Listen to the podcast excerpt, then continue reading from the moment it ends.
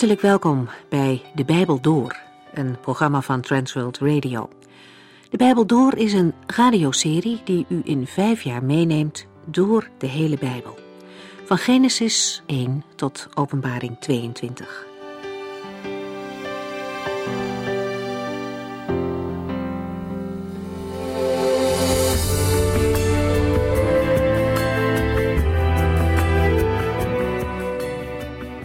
Als u meer informatie wilt of misschien een gemiste aflevering alsnog wilt horen, kijkt u dan op onze website www.transworldradio.nl.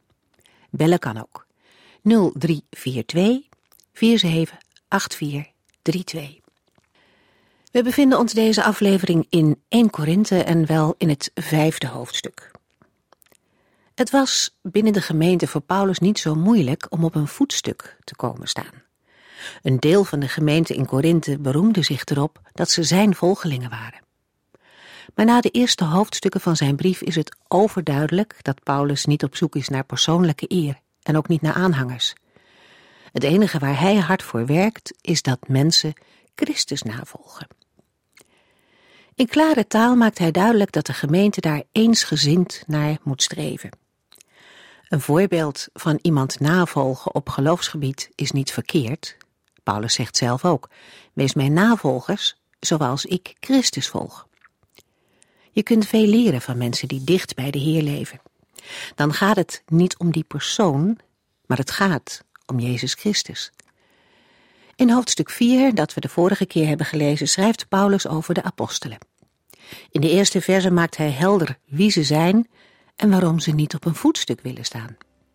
Wij zijn dienaren van Christus, mensen die de dingen van God uitleggen. En daarna somt hij op hoe moeilijk hun leven vaak is. Ze verdragen lichamelijk lijden, maar ook de verachting van andere mensen. Met andere woorden, het leven als christen is niet een makkelijke weg. De Corinthiërs dachten dat ze heel wat waren, en Paulus wijst hen erop dat ze zich een stuk bescheidener moeten opstellen. De toon waarmee hij hen terechtwijst is vriendelijk, maar tegelijkertijd ook duidelijk. Paulus is van plan naar hen toe te komen om het erover te hebben. En hij hoopt dat zijn brief hen al tot inkeer brengt, zodat als hij er is, er dan geen harde confrontatie nodig zal zijn. We gaan verder met 1 Corinthiërs 5.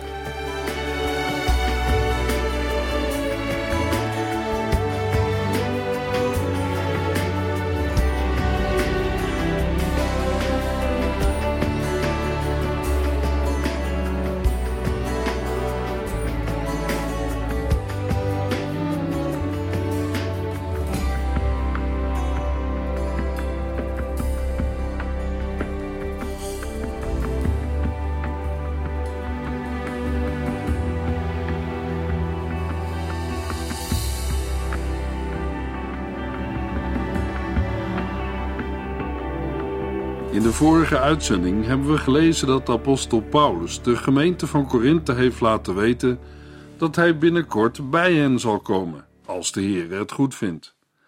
Daaruit blijkt dat het Paulus ernst is. Hij komt om orde op zaken te stellen. De apostel is de geestelijk vader van de Corinthiërs. Zij zijn Paulus' geestelijke kinderen. Aan het slot van 1 Corinthiërs 4 schrijft de apostel: Wat hebt u liever, dat ik met straf bij u kom of met liefde en zachtheid? Soms is een vader in het uiterste geval genoodzaakt zijn kinderen met een stevige straf of een gevoelige tik tot de orde te roepen, en moet hij zijn gezag laten gelden. Mogelijk heeft Paulus daarbij gedacht aan Spreuken 13, vers 24. Wie nooit straft, bederft zijn zoon. Maar wie zijn zoon lief heeft, straft hem reeds op jonge leeftijd. In de Hebreeuwse grondtekst staat voor wie nooit straft, wie zijn stok spaart. De spreuk handelt over de manier waarop een kind wijs kan worden. Wie de stok de roede spaart, haat zijn zoon, maar wie om hem geeft, tuchtigt of straft hem. In moderne opvattingen over opvoeding worden lijfstraffen negatief beoordeeld. Het past niet in onze cultuur. Maar in de toenmalige cultuur maakten lijfstraffen deel uit van de opvoeding en het onderwijs. Spreuken sluit aan bij de gebruiken in die tijd. De kern van de spreuk is dat een ouder die de opvoeding van zijn kind serieus neemt, bereid moet zijn een kind te corrigeren. Vaak worden kinderen verwend omdat ouders de confrontatie schuwen en niet met gezag willen optreden. Hierdoor leren kinderen niet om grenzen in acht te nemen. Daardoor kunnen ze onzeker en arrogant worden, zoals blijkt uit de koppeling tussen liefde en correctie in de tekst. Moet tucht of straf altijd plaatsvinden in een context van liefde en zorg? Het moet bij tucht of straf niet gaan over boosheid en wraak. Ook al is het niet nodig lijfstraffen te gebruiken, toch moet een ouder confrontatie en indien nodig stevige maatregelen niet schuwen. Ook onze tijd vraagt om ouders die met gezag kunnen optreden, omdat ze het beste met hun kinderen voor hebben. Paulus past deze opvoedingsregel nu toe op de gemeente van Korinthe. Hij vraagt: Wat hebt u liever? Dat ik met straf bij u kom of met liefde en zachtheid? Vanuit het feit dat hij de geestelijk vader van de gemeente is, kunnen we dat begrijpen. Ook al zou Paulus straffend moeten optreden, dan zou dit nog met liefde gebeuren en met een geest van zachtmoedigheid. Aan welke straf de apostel in het concrete geval van Korinthe denkt, wordt min of meer duidelijk in 1 Corinthiërs 5, vers 5. Het uitstoten van onbekeerlijke zondaars uit de gemeenschap van gelovigen. En in 2 Corinthiërs 10, vers 2. Met krachtige en strenge woorden de overtreders de waarheid zeggen. In 1 Corinthiërs 5 gaat Paulus concreet in op de krachteloosheid en het onvermogen van de hoogmoedige leraren in de gemeente. De apostel noemt daarvan een eerste bewijs. Zij tolereren grove ontucht in de gemeente. Waarschijnlijk waren zij door hun belangstelling voor wereldse wijsheid ook niet zo geïnteresseerd in levensheiliging. Paulus' aanklacht is schokkend. 1 Corinthians 5, vers 1. Ik heb gehoord dat er bij u ontucht plaatsvindt, en dan nog wel van een soort dat zelfs onder ongelovigen niet voorkomt. Er is een man bij u die met zijn stiefmoeder naar bed gaat. Het begrip ontucht omvat, gezien vanuit het Jodendom, alle seksuele omgang buiten het wettige huwelijk. Daaronder vallen seksuele gemeenschap voor het huwelijk, huwelijksontrouw, overspel, hoererij, maar ook bijvoorbeeld seksualiteit tussen mannen en incest. De havenstad Korinthe was berucht vanwege haar onzedelijkheid. En dit deed zich blijkbaar ook gelden binnen de gemeente. Paulus besteedt aan deze situatie veel aandacht. Het zit hem hoog. Onomwonden noemt de apostel de zaken bij de naam. Er is een man bij u die met zijn stiefmoeder naar bed gaat. De woorden van de apostel laten zien hoe ver de onreinheid in de gemeente is doorgedrongen. Ontucht van een soort dat zelfs onder ongelovigen niet voorkomt. Hoewel Korinthe een stad vol zondige praktijken was, en de heidenen, de niet-Joden, een veel minder strenge huwelijksmoraal hadden dan de Joden, slaat dit voorbeeld uit de gemeente alles. Onder heidenen werd het hebben van een bijslaap of matresse naast de wettige echtgenoten algemeen aanvaard. Maar wat Paulus nu noemt, komt zelfs onder ongelovigen niet voor. Voor stiefmoeder staat in de Griekse grondtekst de vrouw van zijn vader. Deze uitdrukking is ontleend aan Leviticus 18, vers 8. Na het verbod op geslachtsgemeenschap met de eigen moeder volgt het verbod op seksuele omgang met de vrouw van de vader, waarmee een stiefmoeder of in het geval van polygamie een tweede vrouw van de eigen vader wordt bedoeld.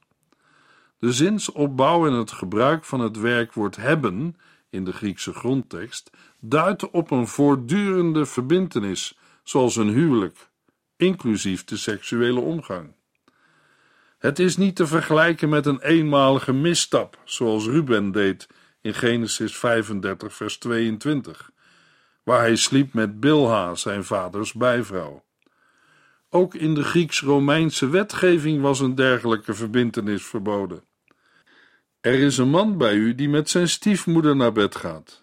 Nee, het was geen pikant verhaal of een gerucht dat de ronde deed. Iedereen wist het en het werd door de leiders getolereerd. Het was onverkwikkelijk en ten hemel schrijend dat dit in de gemeente van Christus voorkwam. 1 Corinthians 5 vers 2 En u maar verwaand zijn. Waarom hebt u die man niet uitgestoten uit uw gemeente? De apostel gebruikt sterke woorden. Het gaat ook over een ernstige zonde. Als er binnen de christelijke gemeente sprake is van zo'n grove ontucht, dat zelfs de ongelovigen erover zouden kunnen lasteren en spotten, dan is er voor de gelovigen alle reden tot diepe schaamte. Maar die houding die treft de apostel Paulus niet aan. Integendeel, ze zijn opgeblazen en de apostel moet hen vermanen iets bescheidener te zijn. Ze blazen hoog van de toren. Het zijn grootsprekers, ze zijn verwaand. Paulus richt zich tot de hele gemeente. De opgeblazenheid, arrogantie en zelfingenomenheid van sommige leraars is kennelijk overgeslagen op een groot deel van de gemeente. Wat had de gemeente van Korinthe dan moeten doen? Het ligt besloten in de vraag van Paulus in vers 2. Waarom hebt u die man niet uitgestoten uit uw gemeente? Uit vers 13 blijkt dat zij zelf de boosdoener uit hun midden moeten verwijderen. Naar het bevel in Deuteronomium 17, vers 7 moesten zij zelf de overtreder uit hun midden wegdoen. De heiligheid van de gemeente staat op het spel. Gods liefde gaat uit naar zondaars, maar het is zijn wil dat zij door het geloof in de Heer Jezus Christus gerechtvaardigd zullen worden en zich zullen bekeren van hun zonden. Paulus' kritiek richt zich hier niet in de eerste plaats tot de bedrijver van de zonde of tot de vrouw in kwestie, maar tot de gemeente, die niet daadkrachtig is opgetreden tegen de ontucht in haar midden en zonder zich te schamen onheiligheid tolereert. Dat is zeker een les voor vandaag. Ook vandaag moet een ernstige zonde in de kerk of gemeente worden herkend en aangepakt. En hoe moet dat aanpakken gebeuren? De Heer Jezus Christus geeft gedetailleerde instructies in Matthäus 18, vers 15 tot en met 17. Als een van uw broeders u kwaad doet, moet u het hem onder vier ogen zeggen. Als hij uw terechtwijzing aanneemt, is de relatie tussen u en hem hersteld. Doet hij dat niet, haal er dan één of twee anderen bij die getuigen kunnen zijn. Wil hij nog niet luisteren, leg de zaak dan aan de gemeente voor. Als de gemeente hem in het ongelijk stelt en hij wil nog niet luisteren, moet u niet meer met hem omgaan. De gemeente van Korinthe had deze procedure moeten uitvoeren. Zo wil de Heere dat er met kwaad binnen zijn gemeente wordt omgegaan. Het maakt geen verschil wat de publieke opinie ervan zegt over hoe mensen hun leven inrichten en wat volgens mensen wel of niet geoorloofd is. Voor een gelovige is het woord van God doorslaggevend. En als de Heere het aanwijst als zonde, dan moet de mens gehoorzamen en zich bekeren. Als hij of zij uiteindelijk niet wil luisteren, is de opdracht niet meer met hem of haar omgaan, tenzij er tekenen van berouw en bekering zijn. 1 Corinthians 5, vers 3 tot en met 5. Want al ben ik lichamelijk afwezig, in gedachten ben ik bij u. Ik heb mijn oordeel over die man al klaar, alsof ik zelf aanwezig was. Als u in de naam van de Heer Jezus bijeen bent, en ik er in gedachten bij ben, moeten we die man door de kracht van de Heer Jezus uit onze gemeenschap stoten en aan de Satan overleveren. Daardoor zal zijn menselijke natuur worden verwoest, maar kan zijn geest op de grote dag van de Heere gered worden. Met vers 3 begint een lange zin die doorloopt tot het eind van vers 5. In verband met de ernst van het onderwerp en de geladenheid van de gebruikte uitdrukkingen levert de vertaling een aantal complicaties op. Paulus laat het er niet bij zitten en treedt op. Hoewel afwezig met het lichaam, is hij toch aanwezig met de geest. Paulus bedoelt dat hij door het gemeenschappelijk deel hebben aan de Heilige Geest met zijn geest in hun midden is. De Heilige Geest, die de gelovigen hebben ontvangen, waarborgt de eenheid. Bovendien moeten we ons voorstellen dat de aanwezigheid van Paulus door de Heilige Geest ook werkelijk door de Corinthiërs wordt ervaren. Als in de voltallige gemeentevergadering deze geïnspireerde brief hardop wordt voorgelezen. De eigenlijke inhoud van het oordeel volgt in vers 5. Wij moeten die man door de kracht van de Heer Jezus uit onze gemeenschap stoten en aan de Satan overleveren. Behalve de opdracht om de persoon in kwestie uit het midden weg te doen, komt Paulus met een meer formeel oordeel. Dezelfde uitdrukkingswijze aan de Satan overleveren vinden we ook in 1 Timotheus 1 vers 20. Daar gaat het om twee gnostische dwaalleraars. Het doel van deze actie is dat hun geleerd wordt niet te lasteren. Waarschijnlijk is de uitdrukking ontleend aan Job 2 vers 6. Doe met hem, dat is Job, wat u, de duivel, wilt, antwoordde de Heer, maar laat hem in leven. In het geval van Job had de tijdelijke overlevering aan Satan een groot lichamelijk lijden tot gevolg. Maar door deze beproeving werd wel het geloofsleven van Job gelouterd. In deze richting moeten we bij de uitspraken van Paulus ook denken. Bij dit overleveren krijgt de Satan de gelegenheid om naar eigen goeddunken met hem te handelen. Het voorlopige resultaat van het overleveren is het verwoest worden van zijn menselijke natuur. Net als in het geval van Job moeten we hierbij denken aan lichamelijk lijden in de vorm van ziekte, mogelijk zelfs een dodelijke ziekte. Ook in 1 Corinthiërs 11 vers 30 is sprake van ziekte en dood als gevolg van zonde in de gemeente. Omdat het toch gaat om een gelovige, verwacht Paulus als eindresultaat een diepe verootmoediging en kan zijn geest op de grote dag van de Heere gered worden. Het doel van het vonnis blijkt nu. Het gaat erom dat de betrokken zondige gelovige langs een weg van lijden tot inkeer komt, zodat hij op de dag van de Heere behouden zal worden, als de gelovigen lichamelijk zullen worden opgewekt en rekenschap voor de Heere moeten afleggen. Dat de Satan binnen Gods heilsplan vaker de taak krijgt om door zijn ziekmakende macht mensen in hun geloofsleven te louteren, blijkt bijvoorbeeld uit Paulus' eigen getuigenis. In 2 Corinthiërs 12, vers 7.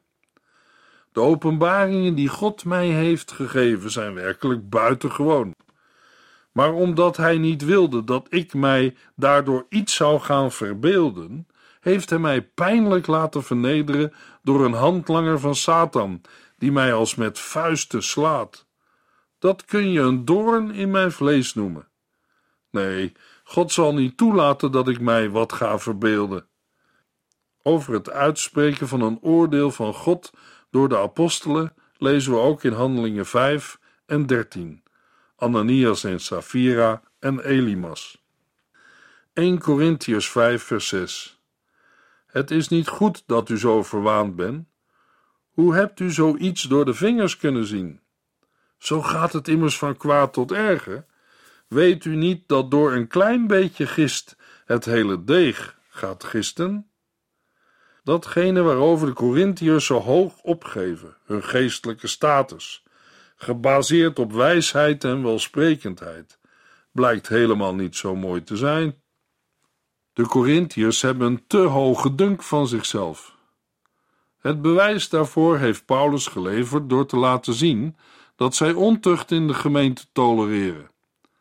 Het gaat Paulus niet in de eerste plaats om de ene zondaar, als wel om de hele gemeente, die, blijkens het feit dat ze niet optreedt, helemaal niet zo geestelijk is en zelfs totaal dreigt af te glijden in de zonde. Daarom gebruikt Paulus een bekende christelijke beeldspraak, die mogelijk teruggaat op een Joods spreekwoord. Door een klein beetje gist gaat het hele deeg gisten. De beeldspraak rond het thema deeg en gist vinden we ook in uitspraken van de Heer Jezus. Gist ontstaat door een stukje van het brooddeeg te laten verzuren.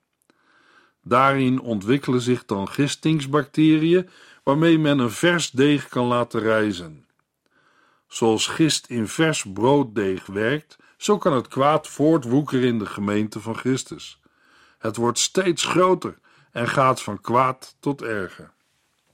1 Corinthians 5 vers 7 Gooi het oude gist weg, anders bent u geen vers deeg. Er hoort bij u geen gist te zijn, omdat Christus ons paaslam geofferd is. Door de vergelijking van de gemeente met vers brooddeeg en de zondaar met het gist, wordt direct het beeld van het Joodse paasfeest, Pesach, opgeroepen. Bij het vieren van dit feest, ter herdenking van de uittocht van het volk Israël uit Egypte, moest uit de Joodse huizen ieder restantje gist of gegist brood worden verwijderd, als een symbool voor het wegdoen van alle zonden en ongerechtigheid. Zeven dagen lang, beginnende op de avond van het Pascha, de dag waarop het paaslam werd geslacht, mochten de Israëlieten alleen ongezuurd, ongerezen brood eten, de zogenaamde matzes. Pas daarna mocht men opnieuw gist maken. Als Paulus de Corinthiërs oproept om het oude gist weg te doen, opdat ze een nieuw en vers deeg mogen zijn, grijpt hij terug naar dit Joodse gebruik. Het oude gist verwijst niet alleen naar de genoemde zondaar, maar naar alle restanten van het oude leven. Zo verwijst het nieuwe deeg naar het nieuwe leven in Christus. Dan volgt: Er hoort bij u geen gist te zijn. Waarom niet? Omdat de Corinthiërs, volgens 1 Corinthiërs 6, vers 11, schoon gewassen en voor God afgezonderd zijn. Ze zijn onschuldig verklaard in de naam van de Heer Jezus Christus en door de geest van onze God. Met andere woorden, in Christus zijn de Corinthiërs geheiligd en gerechtvaardigd. Nu is het zaak om ook naar deze heiligheid te leven. 1 Corinthiërs 5 vers 8 Laten wij dat dan ook blijven vieren, niet met oude gist of met gist van kwaad en schande, maar met het ongegiste brood van zuiverheid en waarheid. Het feest moet gevierd worden met het ongegiste brood van zuiverheid en waarheid. Met deze beeldspraak heeft Paulus het over de nieuwe levenswandel en de motivatie daartoe. Het gaat om een manier van leven die het daglicht kan verdragen, dat wil zeggen, waaraan God zijn instemming kan geven.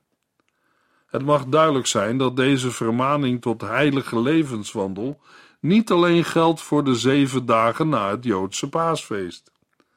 Het hele christelijke leven bestaat uit een vieren, een dankbaar en plechtig herdenken van Christus lijden en sterven. Daarbij hoort een blijvende heilige levenswandel. 1 Corinthiërs 5 vers 9 tot en met 11 Ik heb u al eerder geschreven niet om te gaan met mensen die vrije seks bedrijven ik bedoel daarmee niet dat soort mensen in het algemeen of egoïsten, oplichters en afgodendienaars, want dan zou u de wereld beter kunnen verlaten. Nu schrijf ik u echter om helemaal niet om te gaan met iemand die, al zegt hij een gelovige te zijn, er op seksueel gebied maar op losleeft, egoïstisch is, afgoden dient, roddelt, te veel drinkt of anderen uitbuit. Met zo iemand moet u zelfs niet samen eten. Met de woorden: Ik heb u al eerder geschreven, worden we opeens geconfronteerd met het feit dat Paulus al eerder een brief aan de Corinthiërs heeft geschreven. Een brief die voor ons niet bewaard is gebleven. Op zichzelf is het logisch dat Paulus een regelmatige correspondentie voerde met de gemeenten die door hem waren gesticht. Een van de onderwerpen uit de bewuste brief was een vermaning om niet om te gaan met mensen die vrije seks bedrijven. Paulus' bedoeling daarbij was geweest dat de gelovigen zich moesten distancieren van medegelovigen die bewust bleven vasthouden aan hun zondige levenswandel. In het geval van de Corinthiërs ging het om ontucht. De niet bewaarde brief heeft blijkens vers 10 kennelijk tot misverstanden geleid. Het kan ook zijn dat de leiders van de gemeente zich er niets van hebben aangetrokken, onder het voorwendsel dat het niet mogelijk is om alle ontuchtigen uit de weg te gaan. Korinthe had zich als stad overgegeven aan immoraliteit. De stad Korinthe had een tempel gewijd aan de godin Afrodite. En bij de tempel waren talrijke tempelslaven en slavinnen die zich prostitueerden voor de godin. Ze werden hiervoor vergoed met kleren, eten en een dak boven hun hoofd, maar het geld ging naar de tempel. Als we de Griekse historicus Strabo mogen geloven, zouden er in Korinthe bij de tempel van Afrodite wel duizend priesteressen of tempelslavinnen actief zijn geweest. Onder het mom van de godsdienst deed de hele stad mee. De bedoeling van de vermaning in de vorige brief was niet dat de gelovigen zich van alle zondaren in de wereld moeten distancieren. In dat geval zouden ze zich uit de wereld moeten terugtrekken en als geïsoleerde kluizenaars moeten gaan leven. Paulus bedoelde dat de gelovigen wel in de wereld, maar niet van de wereld zijn. Ze hebben een roeping om juist in de wereld van de Heer Jezus te getuigen. Tegelijkertijd moeten zij zichzelf onbesmet van de wereld bewaren. Paulus besluit met 1 Corinthians 5, vers 12 en 13. Kijk, ik hoef niet over buitenstaanders te oordelen. Dat zal God wel doen. De mensen uit uw eigen midden, die moet u veroordelen. Verwijder die slechte man uit uw midden. Het eerste gedeelte van vers 13 sluit nog aan bij het vorige. Het is niet de taak van de gelovigen om buitenstaanders te oordelen. Dat oordeel komt alleen aan de Here toe. De tweede helft van vers 13 vormt de conclusie van het hele hoofdstuk. Op de gemeente van het Nieuwe Testament rust de plicht om de eigen gemeenschap te bewaren voor grove zonde, door onbekeerlijke zondaars uit hun midden te verwijderen. In de volgende uitzending lezen we 1 Corinthiërs 6.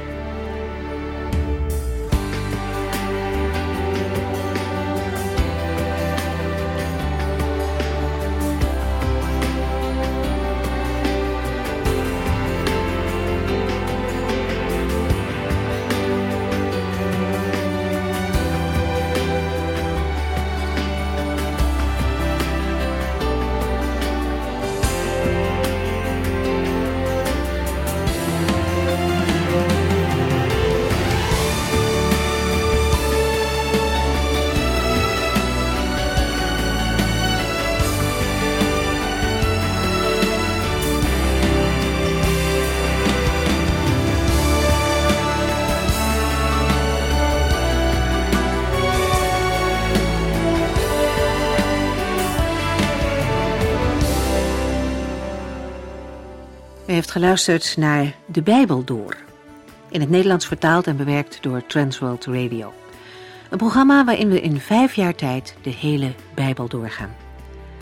Als u wilt reageren op deze uitzending of u heeft vragen, dan kunt u contact met ons opnemen. Tijdens kantooruren kunt u bellen op 0342 47 8432. 0342 47 8432. 32. Ook kunt u een e-mail sturen naar de Bijbel door transworldradio.nl en natuurlijk kunt u ook via de post ons bereiken. TWR, postbus 371, postcode 3770, AJ in Barneveld. Dit programma werd gepresenteerd door Cor Weda en Ike André. Techniek was in handen van Odin van Woerdekom. En wij allemaal bedanken u voor het luisteren. Graag tot de volgende keer.